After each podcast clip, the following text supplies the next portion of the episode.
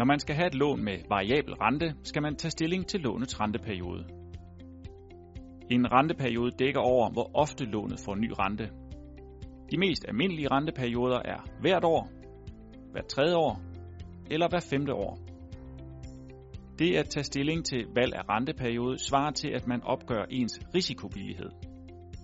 Vælger man eksempelvis en kort renteperiode, får man løbende ny rente på sit lån.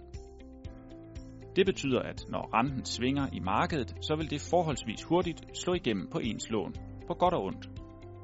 Man vil således hurtigt mærke rentestigninger og skulle indstille sig på dem. Tilsvarende vil man hurtigt få glæde af rentefald. Vælger man en lidt længere renteperiode, mindsker man ens risiko målt på, hvor meget den månedlige ydelse kan svinge.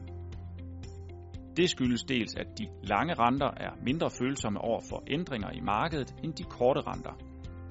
Dels at man ved at have lagt sin månedlige ydelse fast for en periode, har længere tid til at indstille sig på, at ens lån bliver dyrere.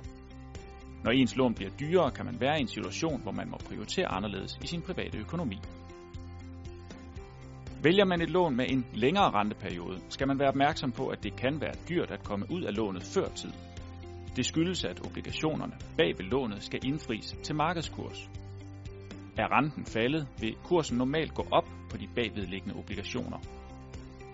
Og omvendt er renten steget, vil kursen på de bagvedliggende obligationer falde.